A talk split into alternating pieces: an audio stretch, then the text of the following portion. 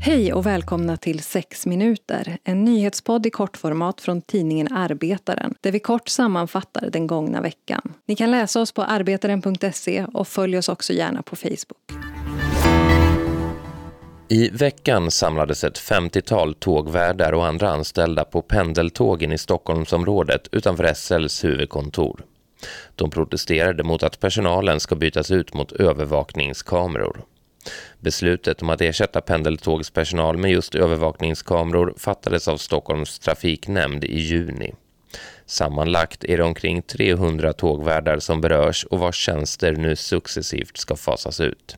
Shintan Modera har arbetat som tågvärd på pendeltågen i sju år och han menar att beslutet är fel och att han och hans kollegor fyller en viktig funktion ombord på tågen.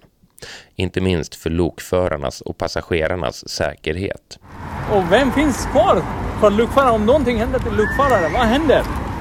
Vem gör utrop? Det är alla sådana viktiga funktioner som, som, som gör tågvärd. Det sa alltså Shintan Modera som var en av de som protesterade mot trafiknämndens beslut i tisdags. Och nu till USA där högsta domstolen i onsdags beslutade att inte riva upp Texas kraftigt skärpta abortlag. Därmed blir det olagligt för gravida att göra abort redan i samband med att man kan höra ett fosters hjärtljud, vilket vanligtvis sker redan i vecka 6, långt innan många kvinnor ens upptäckt att de är gravida.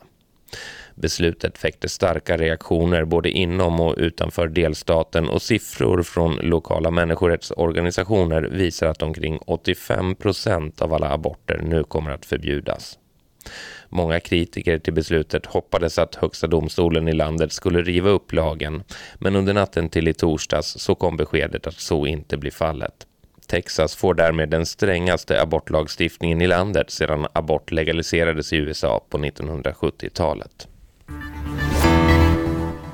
Flera svenska fackförbund vädjar till regeringen om att skydda afghanska fackledare som nu håller sig gömda för talibanerna.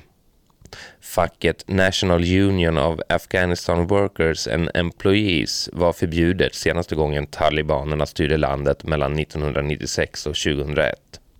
Sammanlagt har de omkring 160 000 medlemmar och tillhör bland annat den internationella fackliga samordningen IFS och facket beskrivs som både oberoende och demokratiskt. Sedan talibanernas plötsliga maktövertagande har flera av dess ledare nu gått under jorden och håller sig gömda tillsammans med sina familjer av rädsla för sina liv. I ett internationellt fackligt upprop vädjar IFS till regeringar runt om i världen att rädda de afghanska fackledarna. I Sverige har därför LO, TCO och SACO nu gått samman i en uppmaning till regeringen att hjälpa till. Exempelvis lyfts oron över kvinnliga fackledare fram nu när talibanstyret är tillbaka. Enligt TCO så råder det en direkt fara för deras liv om de inte lyckas ta sig ut ur Afghanistan. Jag menar, om det finns en ambition från Sverige att fortsätta evakuera personer på svensklistan, då tycker vi också självklart att det här är lika angeläget. Att evakuera människor som riskerar att bli förföljda. Det, det, den, det arbetet måste fortsätta. Om det är Sverige som gör det eller något annat land är mindre viktigt, men det måste göras av det internationella samfundet tycker vi. Det säger Oskar Våglund Söderström som är internationell chef på fackförbundet TCO och en av dem som nu alltså kräver att Sverige agerar för att få ut de gömda fackledarna ur Afghanistan. Nu sista ordet med Annie Hellqvist. Klarnas VD Sebastian Siemiatkowski, en av Sveriges yngsta miljardärer, är oroad över svenskarnas skulder. Skulderna till Kronofogden är större än någonsin och något måste göras, skriver han i en debattartikel i Dagens Nyheter på fredagen.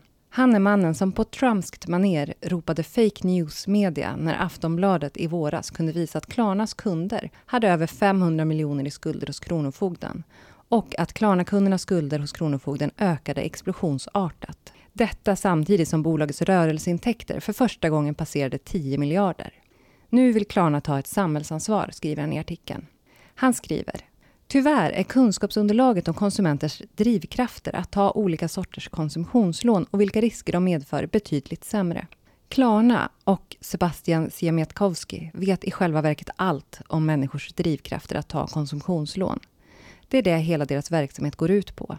Det är just det som de har förfinat genom åren. De är experter på att nudga människor att välja de alternativ som Klarna tjänar mest på. Att skjuta upp betalningen. Ränteintäkter är en av Klarnas största inkomstströmmar. När jag öppnar min Klarna-app, som jag skaffade på grund av att någon tidningsprenumeration krävde det, möts jag på första sidan av en annons för en 65-tums smart-tv från Samsung. Den kostar 25 000. När jag klickar på annonsen så ligger en stor knapp som tar mig till Klarna-kortet som betalalternativ hela tiden i bild. Jag kan köpa tvn nu och betala sen. Så enkelt, så smart och så smooth som Klarna kallar sina tjänster. En av deras mest använda slogans är “Köp först, betala senare”. Det är så man tjänar pengar på människor som inte har råd att konsumera. Man sätter dem i skuld. Det vet Sebastian, vad han än låtsas om i sina försök att tvätta Klarnas varumärke.